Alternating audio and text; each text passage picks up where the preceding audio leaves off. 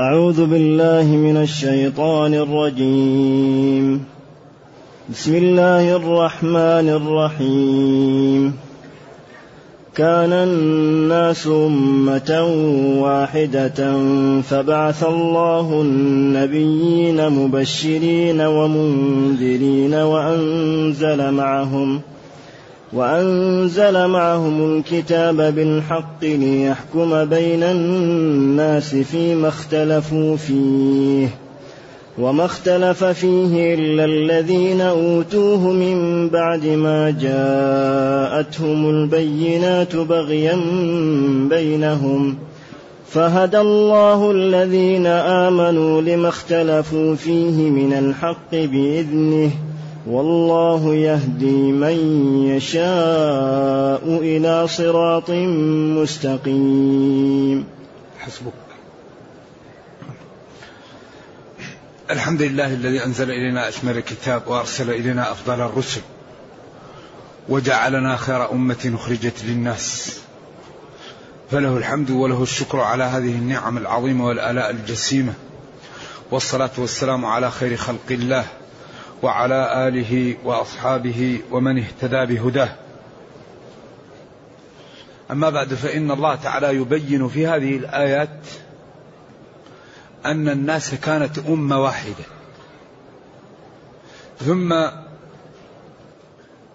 عند كلام المفسرين على هذه الآية وبيانهم لها اختلفوا.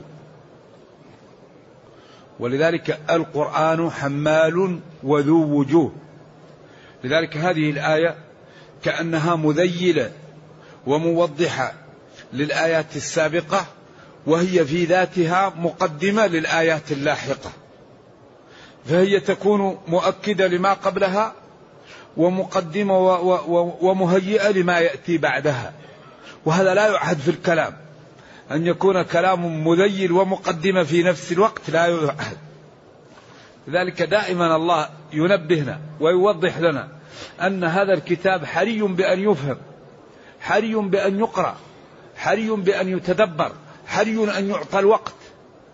كتاب أنزلناه إليك مبارك ليدبروا آياته كتاب أي عظيم أنزلناه أي من عند الله مبارك كثير البركة والخير ليدبروا آياته ليتأملوا ليتفكروا فيه ليستخرجوا منه الهداية الآداب السعادة الرفعة. ليتجنبوا فيه مواضع الزلق والهلكة والضياع. إذا كان الناس كان طبعا فعل ناسخ وكثيرا ما تأتي كان على شيء وزال عنه. وقد تأتي كان على الشيء ولم يبقى على ذلك وخصوصا إذا كانت كان عن الله وكان الله غفورا رحيما ولم يزد وكان الله على كل شيء قدير ولم يزل لكن كان زيد يعني مثلا في المدينة ولكنه تحول إلى مكة. كان فلان لا يتحمل ولكنه بعد ذلك تعلم فأصبح يتحمل لإخوانه. كان سريع الغضب ولكنه بعدين أصبح لا يغضب. إذا كان الناس الناس هم الخلق لا واحد له من لفظه. وهم بنو آدم هل مشتق من النوس أو من النسيان أو من الإنس؟ النوس الحركة أو الناس لأنهم ينسون. أو لأن بعضهم يأنس لبعض وإن كانت الاشتقاقات تختلف في ذلك. أمة لها معاني وهي مشتقة من أم بفتح الهمزة أما الشيء يأمه إذا قصده. ومنه الأمة لأنها تجتمع على مقصد واحد. ومنه الأم وهي الراية التي يجتمع الناس تحتها لنا أم أي راية. ومنه الأم لأنها تجمع الرحم تجمع الجنين في رحمها. إذا الأم أو الأمة أو أما الشيء إذا قصده أو كان أصله. واحدة. طيب من المقصود هنا بالناس؟ ومن المقصود بالأمة؟ أقوال كثيرة للعلماء لكنها بعد التأمل ترجع إلى قولين. كانوا أمة واحدة على الإسلام. فبعث الله النبيين ليثبتوهم على الدين وليقرهم على ذلك ويعلموا الوعد والوعيد والحلال والحرام والأمر والنهي. وهذا القول ضعيف لأن السياق يأباه. القول الثاني كانوا أمة واحدة على الكفر. فبعث الله وش؟ النبيين وتكون هنا الفاء كأنها شبه فاء الإيماء والتنبيه كقوله السارق والسارقة فاقطعوا أيديهما لعلة إيش؟ السرقة الزانية والزاني فاجلدوا إنما المشركون نجس فلا يقربوا. لذلك هنا كان الناس أمة واحدة على الكفر فبعث الله النبيين. هذا القول أيضا بعيد. القول الذي هو أسعد بالدليل كان الناس أمة واحدة على الإسلام فكفروا فبعث الله النبيين. هذا الذي أسعد بالدليل. ولذلك في الكلام مقتضى كما قال أن اضرب بعصاك الحجر فضرب فانفجرت وكما هناك في بلقيس لما ألقى إليها الكتاب ماذا؟ الآية؟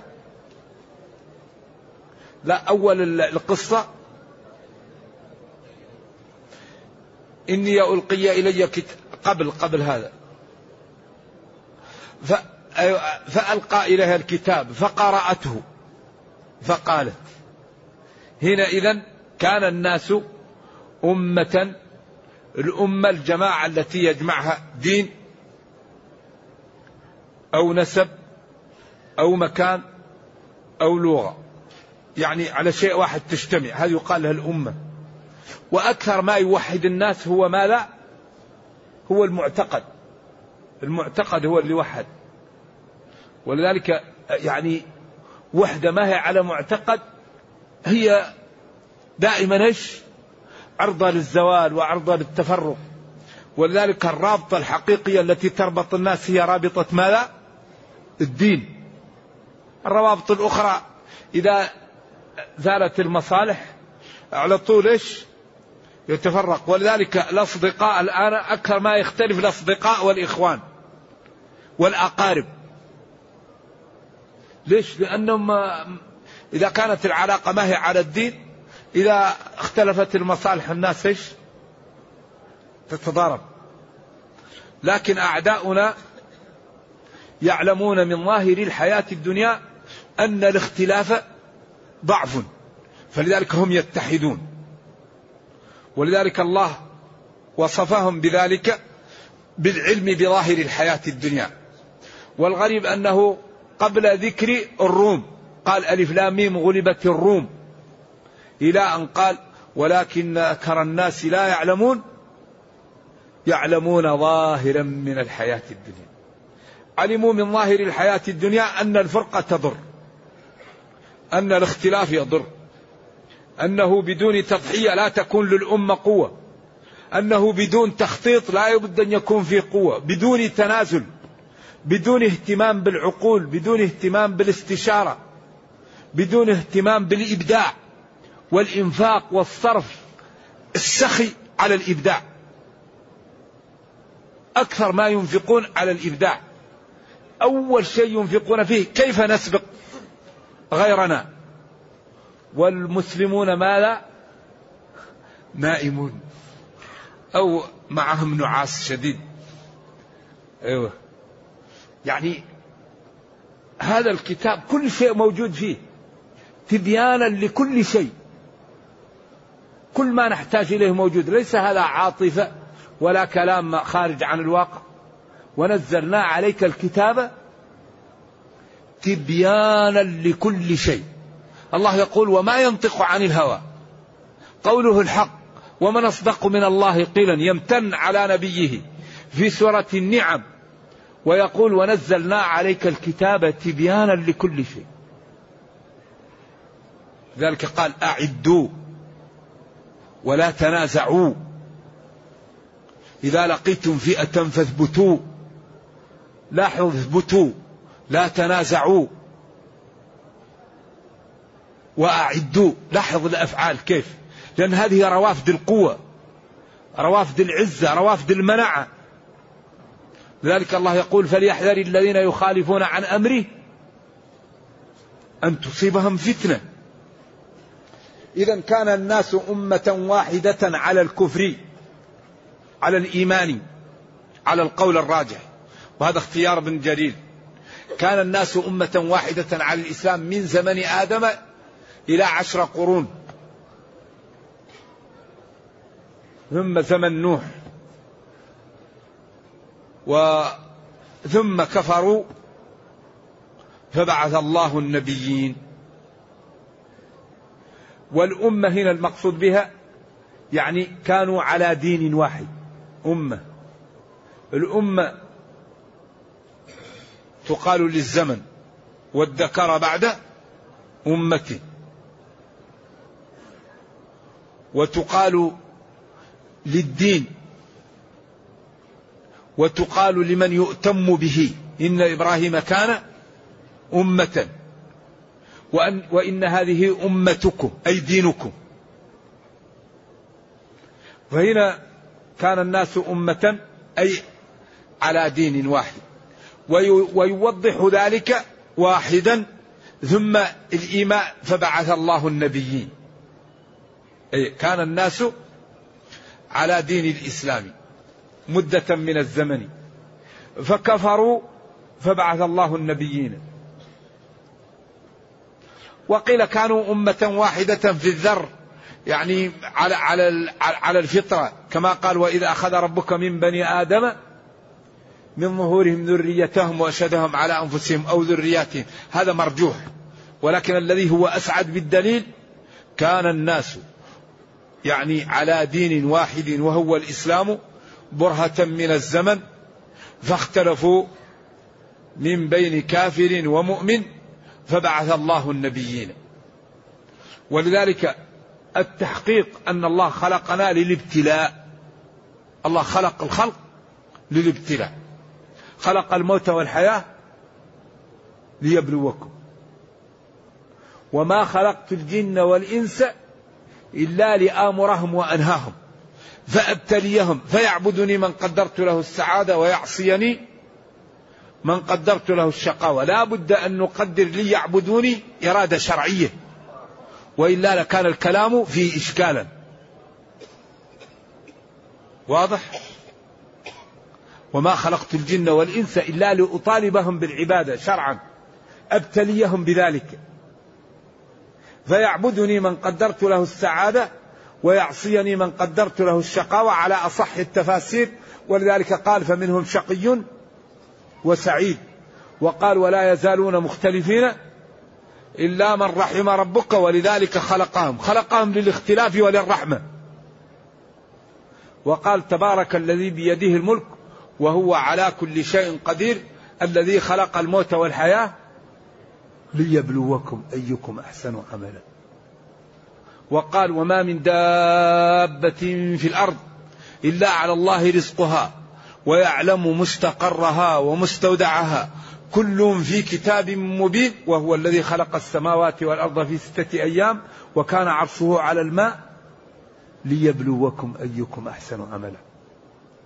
فنحن خلقنا للابتلاء ولذلك آه، ينبغي لنا أن نتنبه حتى نكون من من السعيد ما نكون من من الجانب الشقي. ونقوم بالأسباب ولما استشكل الصحابة لما العمل. لأن لما نزلت آية الحديد قالوا ففيما العمل؟ طويت الصحف وجفت الأقلام. ما أصاب من مصيبة في الأرض ولا في أنفسكم إلا في كتاب من قبل أن نبرأها. إن ذلك على الله يسير سهل. بعدين قال لكي لا تأسوا على ما فاتكم ولا تفرحوا فيما بما أتاكم. قالوا ففيما العمل؟ فقال صلى الله عليه وسلم اعملوا اعملوا اعملوا فكل ميسر لما خلق له. ولذا إن الرجل لا يعمل بعمل أهل النار فيما يبدو للناس. هذا في الصحيحين. حتى لا يبقى بينه وبينها إلا ذراع فيسبق عليه القلم فيعمل بعمل أهل الجنة فيدخلها. وإن الرجل لا يعمل بعمل أهل النار فيما يبدو للناس. لا يعمل بعمل أهل الجنة فيما يبدو للناس حتى لا يبقى بينه وبينها إلا ذراع. فيسبق عليه القلم فيعمل بعمل أهل النار فيدخلها عياذا بالله تعالى. ولذلك الذي يخيف حقا ويكاد الإنسان يبكي ويتضرع ويخاف هو السابقة. السابقة هي التي تخيف. لأن الإنسان لا يعرف ما لا كتب له في اللوح المحفوظ. هذا الذي يخيف وهو الذي إذا تأمله المسلم انزعج. لا يدري ما لا مكتوب له. لذلك الله يقول فلا يأمن مكر الله. وعمر كان يخاف النفاق ويقول لحذيفة بن اليمان أبي الله عليك قال لك رسول الله إني منافق؟ يقول لا والله لا أزيدك. ويذكر الذهبي في سير أعلام النبلاء في ترجمة الإمام سفيان الثوري أنه لما كبرت سنه كان يكثر البكاء. فلما كبر كان يكثر البكاء فقيل له يا إمام أنت على خير. ما الذي يبكيك؟ قال أنا لا أخاف من ذنوبي. قال طيب ومما تخاف؟ قال أنا أخاف أن يؤخذ إيماني قبل أن نموت. قال أنا أخاف أن نسلب الإيمان قبل أن تأتيني الموت. هذا الذي يخيف ولذلك الإنسان يكثر من الذكر. ومن الاستغفار ومن التثبيت. نبينا صلى الله عليه وسلم كان يقول يا مقلب القلوب يا مقلب القلوب ثبت قلبي على دينك. يا مقلب القلوب. القلب بين أصبعين يقلبه كيف شاء. فلذلك هذا الذي يخيف قطعا. أما الذنوب الله يغفر الذنوب جميعا. لا شك أن الذنوب هي تجر للمفاسد. لكن عياذا بالله الخطر كل الخطر أن يؤخذ من الإنسان الإيمان قبل أن يموت. ولذلك قالوا ويموت المسلم وهو غضبان. قالوا إذا جاءت للمسلم الموت جاءه الشيطان. وقال له أكفر أكفر بالله. فيغضب المسلم لقول الشيطان له ذلك فتأتيه المنية وهو غضبان لأنه لأن الشيطان يحاول يكفره عند الموت. فيغضب منه ولكن الله تعالى قال اعملوا اعملوا فكل ميسر لما خلق. الإنسان يقوم بالأسباب وهذا الذي علينا. نحاول أن نهتم بالصلاة ونهتم بالوضوء قبلها ونهتم بالنية.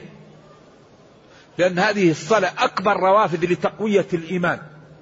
لا يوجد شيء يقوي الإيمان مثل الصلاة. لكن بشرط أن تكون الصلاة إيش؟ مستوفية لأمورها. إذا جاءت الصلاة كاملة إن الصلاة تنهى عن الفحشاء والمنكر. نهر جاري يغتسل منه الواحد خمس مرات. كيف يبقى فيه درن؟ لكن بشرط أن يكون الإنسان يؤدي الصلاة على الح... على الطريقة المطلوبة بها فإذا كان الإنسان يصلي ويصوم ويذكر الله ويزكي ويقوم بالواجب ويترك الحرام الله كريم. لذلك إن الله لا يضيع أجر من أحسن عملا ولا ينصرن الله من ينصره. فنحن نقوم بالأسباب وندعو الله تعالى لكن نخاف. نخاف لأن بعض الناس أجارك الله ما في قلبه الخوف. والذي لا يخاف كيف يمكن يعمل؟ لأن أكبر داعي للعمل ما هو؟ الخوف. من من خاف تجنب ومن تجنب سلم أنت أمامك حفرة. إذا رأيت الحفرة تسقط فيها ولا تجنبها؟ أمامك نار. أمامك جدار. فلذلك أكبر ما يسبب الخوف هو ما لا؟ هو العلم. العلم هو اللي يورث الخشية. فإذا جاءت الخشية امتنع الإنسان عن المعاصي. أما الإنسان إذا كان غير متعلم لا يخاف لأنه لا يرى. لذلك أخطر شيء الجهل لأن الجهل يورث اطمئنان القلب. فإذا اطمأن القلب تكاسل عن الصلاة تكاسل عن الصوم تكاسل عن مساعدة إخوانه تكاسل عن مسك شهوات نفسه. الكلام في أعراض الناس الوشاية بالناس النميمة بين الناس اغتياب الناس. كل هذا سبب تركه هو ماذا؟ هو العلم بأن الله تعالى يعاقب على هذه الأمور وأن الذي يفعل هذه الأمور الله يعاقبه. لذلك من يتبع عورات المسلمين ماذا؟ وأمر بالستر. وهدد الذين يحبون أن تشيع الفاحشة في الذين آمنوا. لهم عذاب أليم. وقال للرجل هل لا كان قبل أن تأتيني؟ وقال للثاني لعلك قبلت. جاءه معه فالتفت عنه فالتفت عنه. قال له أبيك جنون. ولذلك يحاول أن أن أنه لا يقيم الحد إلا إذا ثبت. فإذا لم يقر على نفسه ولو أذرقته الحجارة وذهب قال لو تركتموه. فلذلك هذا دين دين عجيب دين السماحة دين النزاهة دين العدالة. دين الرفق دين القوة. فبعث الله. إذا كان الناس أمة واحدة على الإسلام. فكفروا أو فكفر بعضهم واختلفوا فبعث الله النبيين. النبيين جمع نبي. والنبي للعلماء فيه ثلاثة أقوال. قول إن النبي من أوحي إليه ولم يؤمر بالتبليغ. أوحي إليه بوحي بس يعمل هو به ولم يؤمر بإيصال للناس. القول الثاني أن النبي هو من أرسل برسالة سابقة له. يعني كانت في رسالة سابقة فأرسل هو بهذه الرسالة ليبلغها. القول الثالث أن النبي والرسول تعبير لشيء واحد وهذا تعبير القرآن. وأن النبي هو الرسول والرسول هو النبي وهذا يعضده قوله تعالى وما أرسلنا من رسول ولا نبي وقوله يا أيها النبي يا أيها الرسول أما كون النبي لا يؤمر بالتبليغ فهذا سقوطه واضح لأن العلماء مأمورون بالتبليغ. فكيف الأنبياء لا يبلغون؟ ما دام العلماء يعني يبلغون فكيف الأنبياء لا يبلغون؟ ولكن الذي يظهر أن الرسول والنبي تعبير لشيء واحد فنظير فيه للرسالة أنه يبلغ ونظير فيه للإنباء أنه أنزل عليه الوحي. هذا الذي تدل عليه ظاهر النصوص. ولذلك نداء النبي صلى الله عليه وسلم يا أيها النبي يا أيها الرسول. كثيرا ما يقال له يا أيها النبي ويا أيها الرسول. بملاحظة الرسالة وبملاحظة الإنباء. فبعث الله البعث هو الإرسال. بعث إذا أرسله. والبعث أصلك أن تقيم الشيء من محله. مبشرين من أطاعهم بالجنة. والبشارة الخبر الذي به تتغير البشرة. تقول بشر فلان فلانا إذا أخبره خبرا عندما سمعه تغيرت بشرته. إما بالمحبة والانشراح أو بالتقطيب وإيش؟ والاكفهرار. ولكن أكثر ما يقال على إيش؟ على الخير.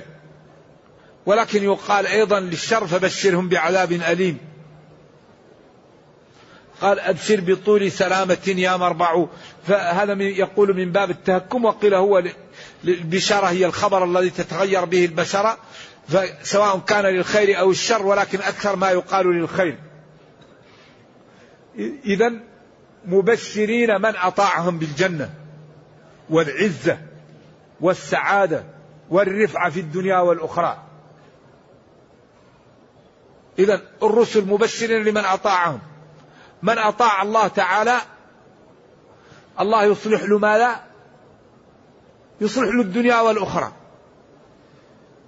يبارك له في الولد يبارك له في العمر يبارك له في المال يبارك له في الذكر. يرزق السعادة النفسية يرزق المحبة بين الناس. ومنذرين لمن عصى الله تعالى الذي يعصي الله تعالى لا يكون في عمره بركة.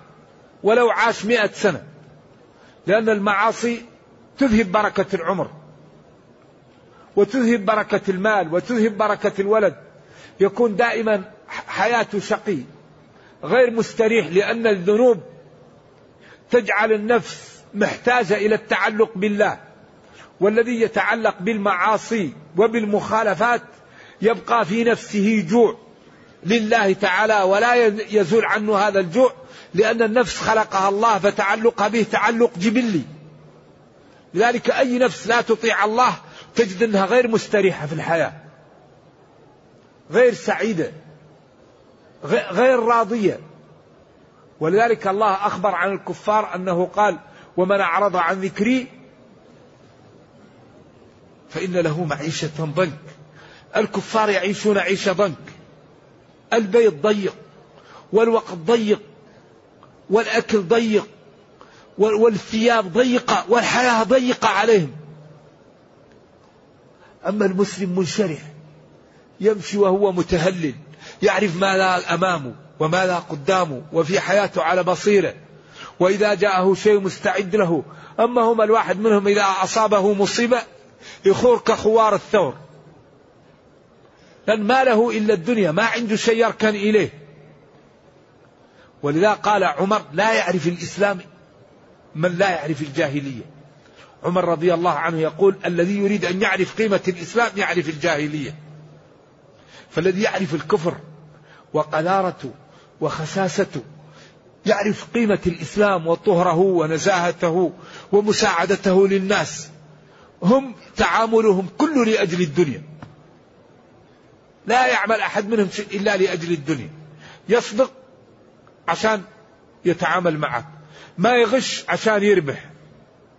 ما يتأخر عن عمله لكي لا يؤذى أو يفصل أو يخصم عليه. لكن المسلم يعمل هذا بدافع. نفسي عنده مراقبة من نفسه. لذلك هم لو تنقطع الكهرباء لرأيت في المتاجر الكبيرة العجب العجاب. في كاميرات مسلطة. فإذا انقطعت الكهرباء جاء اللصوص وشالوا كل شيء.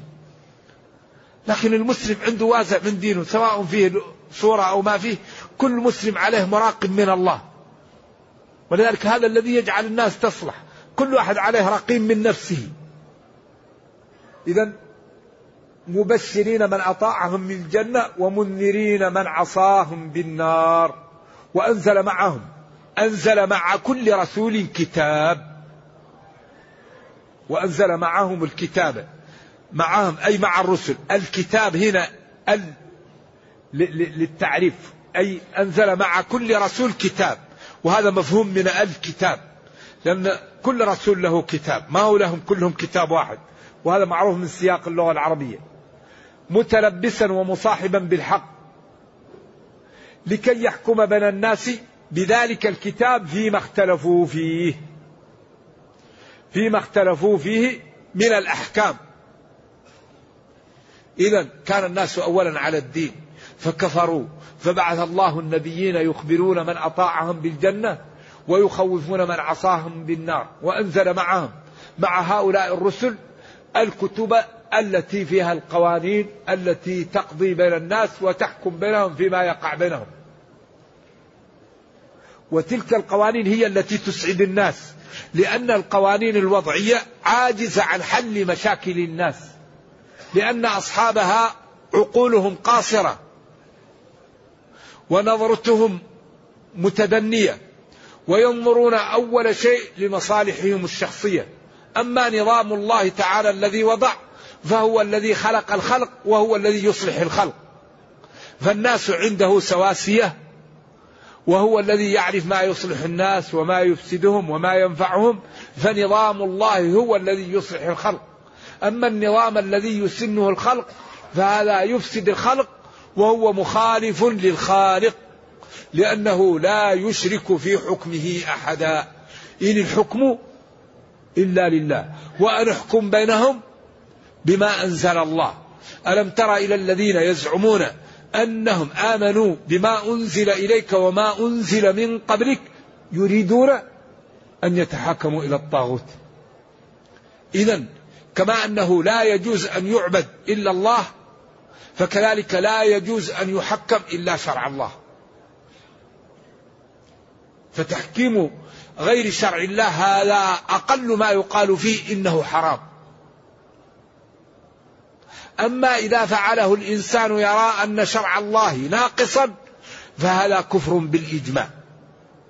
الذي يحكم بالقوانين الوضعية يرى أن دين الله لا يستطيع أن يحل مشاكل الناس وأن هذا الناس تطورت وأن الدين نزل في زمن الناس بدائيين فيه هذا كفر صريح. أما الذي يحكم بغير ما أنزل الله يعلم أن شرع الله خير وأنه يريد هذا بس وإنما هذا يكون معصية. و و ولذلك آه، تسمين القوانين المخالفة للشريعة هذا خطير جدا جدا جدا. وبالأخص أن ديننا فيه ما يكفي. ولذلك نرجو الله تعالى أن يحفظ بلاد المسلمين عامة وأن يحفظ هذا البلد. للإسلام والمسلمين فإنه والحمد لله لأجل الإسلام أكثر من أكثر دول العالم غنى ورخاء وأمنا وهذا بفضل الله ثم بفضل الإسلام. فالإسلام إذا اتبعه الناس يسعدون. وقال جل وعلا ولو أن أهل القرى آمنوا واتقوا لفتحنا عليهم بركات من السماء والأرض فنرجو الله تعالى أن يحفظ بلاد المسلمين عامة وأن يحفظ هذا البلد وأن يكفيه شر أعدائه. إذا يقول جل وعلا مبشرين ومنذرين. مبشرين من أطاعهم بالجنة ومنذرين من عصاهم بالنار. وأنزل معهم الكتب المتلبسة بالحق ليحكم بها. بين الناس ليحكم بين ليحكم بين الناس فيما اختلفوا فيه. إذا أي شيء تختلف فيه الناس الحكم فيه لله. ولذلك لا توجد مسألة إلا وهي موجودة في الكتاب. إما بالنص أو بالظاهر أو بالإيماء والتنبيه أو بالفحوى أو بالقياس أو بالاجتهاد. فاعتبروا يا أولي الأبصار. كل مسألة موجودة موجودة. ولذلك يقول بعض العلماء أنه لما كانت مسائل الناس لا تتناهى والكتاب والسنة يتناهيان وضع في قالب كل ما استجد شيء نجده. ولذلك باب القياس موجود. كل مسكر حرام. ما أسكر قليله فكثيره حرام. كل شيء يضر وأصل ما يضر المنع. الأصل في المنافع الإباحة. خلق لكم ما في الأرض جميعا. كل شيء موجود. كتابنا كل ما نحتاج إليه. أحل الله البيع وحرم الربا. حرم الله الزنا وأباح النكاح. هذا حلال هذا حرام. هذا واجب هذا مندوب. كل شيء مبين. تبيانا لكل شيء. على المحجة البيضاء ليلها كنهارها. أكملت لكم دينكم. ألا إني أوتيت القرآن ومثله معه لتبين للناس ما نزل إليهم. أحري بنا أن نفهم هذا. وأن نعلمه ونعلمه الناس. ونكون قدوة في الخير. أما إذا كان كل واحد منا يجعل اللوم على الآخرين وكأنه هو غير مسؤول. كل كل نفس مسؤولة. كلكم إيش؟ راع كلكم راعي. وكلكم مسؤول عن رعيته. كل واحد مسؤول على قدر ما أعطاه الله من العقل ومن الفهم ومن الإرادة ومن الاستطاعة. والله يقول وتعاونوا على إيش؟ تعاونوا على البر. تعاونوا. افعلوا الخير. تعاونوا. سنشد عضدك بأخيك. ولا تنازعوا فتفشلوا. تعاونوا. افعلوا الخير. اعملوا فسيرى الله عملكم. ما أجمل هذا الدين. وما أنجعه لحل مشاكل أهل الأرض. أحري بأمة عندها هذا الكتاب أن تكون في المقدمة ولا تكون في الخالف؟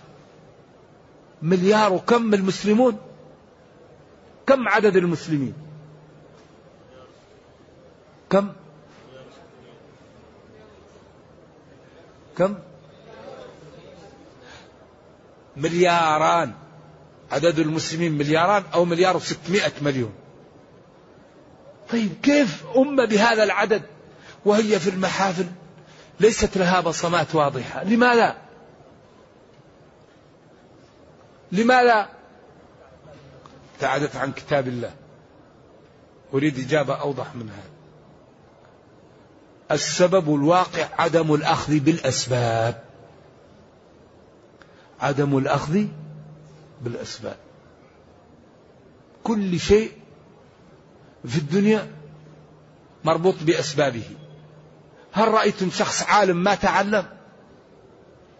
هل رأيتم شخصا تقيا وهو يحملق في الحرام ويتكلم بالحرام؟ يستحيل أن يجد التقى من يأكل أعراض الناس ويأكل الحرام. الذي يجد التقى لابد أن يكف لسانه عن الحرام وبصره عن الحرام وسمعه عن الحرام وبطنه وفرجه ويده ورجله. ويكابد الطاعات بعدين يقوى جذع الإيمان في قلبه. هل يمكن الإنسان عنده أولاد ما تزوج؟ ما يمكن. لابد الإنسان إذا أراد أولاد أن يتزوج. إذا الذي يقوي الأخذ بالأسباب. اعملوا أعدوا ولا تنازعوا. اثبتوا. أوامر. تؤمنون ببعض الكتاب وتكفرون ببعض. أما أوامر وصفات مبينة في الكتاب. إذا إذا قمنا بالأسباب عدنا. إن الله لا يغير ما بقوم حتى يغيروا ما بأنفسهم. دين هذا الدين عجيب. ولذلك من أنفع ما ينفع الآن في هذا العصر هو ماذا؟ القدوة القدوة الحسنة. ما رأيت أكثر نفعا للمسلمين من القدوة. القدوة عجيبة. الصحابة رضي الله عنهم كان كل ما خالطهم شخص أحب الإسلام. أولا التواضع العلم النزاهة التضحية الشجاعة العبادة. ولما استنجد ملك الفرس بملك الصين قال له أعطيني صفات هؤلاء القوم. قال هؤلاء في الليل رهبان وفي النهار فرسان ولا تفرق بين الرئيس والمرؤوس. وإذا فتحوا بلدا قسموا الأموال على الفقراء والواحد منهم يتمنى الموت أكثر من الحياة. فقال ملك الصين لملك الفرس أعطهم ما سألوك. هؤلاء لا طاقة لأحد من أهل الأرض به. أعطهم ما سألوك. إذا نحن أكبر شيء يهزمنا ما هو؟ المخالفات. المعاصي. الشهوة. الضياع. بعض القنوات التي يفعلها. ما أدري كيف هؤلاء يأخذوا بعض المسلمين قنوات تكون لا تأتي إلا بالرقص لا تأتي إلا بالعري ما يجوز هذا. شباب المسلمين وشاباتهم كيف مسلم يعرض على المسلمين الضياع؟ ولذلك نحن في حاجة إلى قنوات جادة قنوات جادة تبين فضل الإسلام تبين حسن الإسلام تبين نزاهة الإسلام تبين عدالة الإسلام. تبين حل الإسلام لكل مشكلة ومعضلة. تبين الاقتصاد الإسلامي. تبين الأحوال الشخصية في الإسلام والبيوع الحلال. وتبين البيوع الحرام. وتوضح للأمة دينهم. وتكون هذه القناة يعني تعرض الأمور عرضا جميلا راقيا من غير تهالك ولا تهور. وبالأخص في هذا الوقت الذي أصبحت الناس الكرة الأرضية كالقرية الواحدة. حري بأهل العقل وبأهل الجدة وبأهل الإمكانيات أن يساعدوا إخوانهم بفتح قنوات جادة لإنقاذ الأمة ولإشغال الناس بما هو خير؟ لأن الإنسان إذا ما شغلت بالخير يشتغل بما لا؟ بغيره. والنفس أمارة بالسوء. فحري بنا أن نتعاون؟ نتعاون وتكون بين المسلمين قنوات تبين العلم. وتبين الفضيلة وتبين النزاهة وتبصر الناس بسيرة النبي صلى الله عليه وسلم وبسيرة صحابته. لأن الله قال لقد كان لكم في رسول الله أسوة حسنة. وقال صلى الله عليه وسلم خير القرون قرني ثم الذين يلونهم ثم الذين يلونهم. فمعرفة المسلمين بأحوال أولئك وبطرقهم وبما كانوا عليه يكون عونا لمن يريد الاستقامة أن يستقيم. يقول وما اختلف فيه ليحكم بين الناس فيما اختلفوا فيه وما اختلف فيه إلا الذين أوتوه من بعد ما جاءتهم البينات. وما اختلف فيه أي الكتاب اليهود إلا من بعد ما جاءتهم البراهين والأدلة الواضحة على الحق وعرفوه. وهذا يكون أكثر وأشد عقوبة ممن يترك الحق عنده شبهة أو لم يتضح له. وما اختلف فيه. في الكتاب إلا الذين أوتوه. أوتوا الكتاب. من بعد ما جاءتهم البينات. إذا ما اختلف هؤلاء اليهود في الكتاب وتركوه وابتعدوا عنه إلا من بعد ما جاءتهم الأدلة والبراهين وعرفوا الحق وفعلوا ذلك بغيا بينهم. ما إعراب بغيا بينهم؟ لا يزعل سيبوي.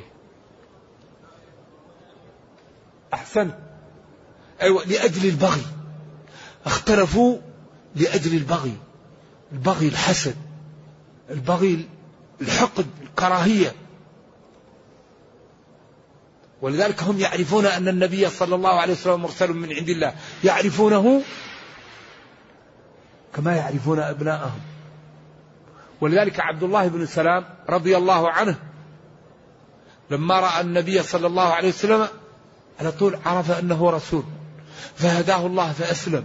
وقال له يا نبي الله إن اليهود قوم نيش بهت فاسألني عنهم وأنا أختفي وراء الستار. فقال لهم ما تقولون في عبد الله بن السلام؟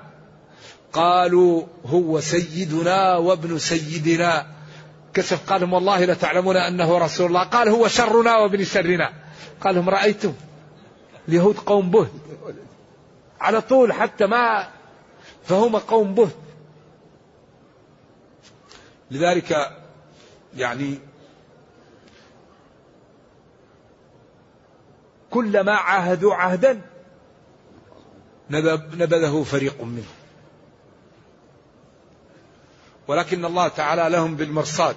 لا يبعثن عليهم إلى يوم القيامة من يسومهم سوء العذاب. وقال وإن عدتم عدنا. إن عدتم للإفساد عدنا إلى ماذا؟ إلى الإيقاع بكم. إذا فهدى الله الذين آمنوا. فهدى الله المؤمنين لما اختلف فيه اليهود من الحق بإذنه بإرادته وبقدره. والله جل وعلا يهدي من يشاء من عباده إلى طريق مستقيم وهو الإسلام. ونرجو الله جل وعلا أن يهدينا وإياكم لما يحبه ويرضاه وأن يجعلنا جميعا من المتقين إنه خير مسؤول والقادر على ذلك. وصلى الله وسلم وبارك على نبينا محمد وعلى آله وصحبه والسلام عليكم ورحمة الله وبركاته.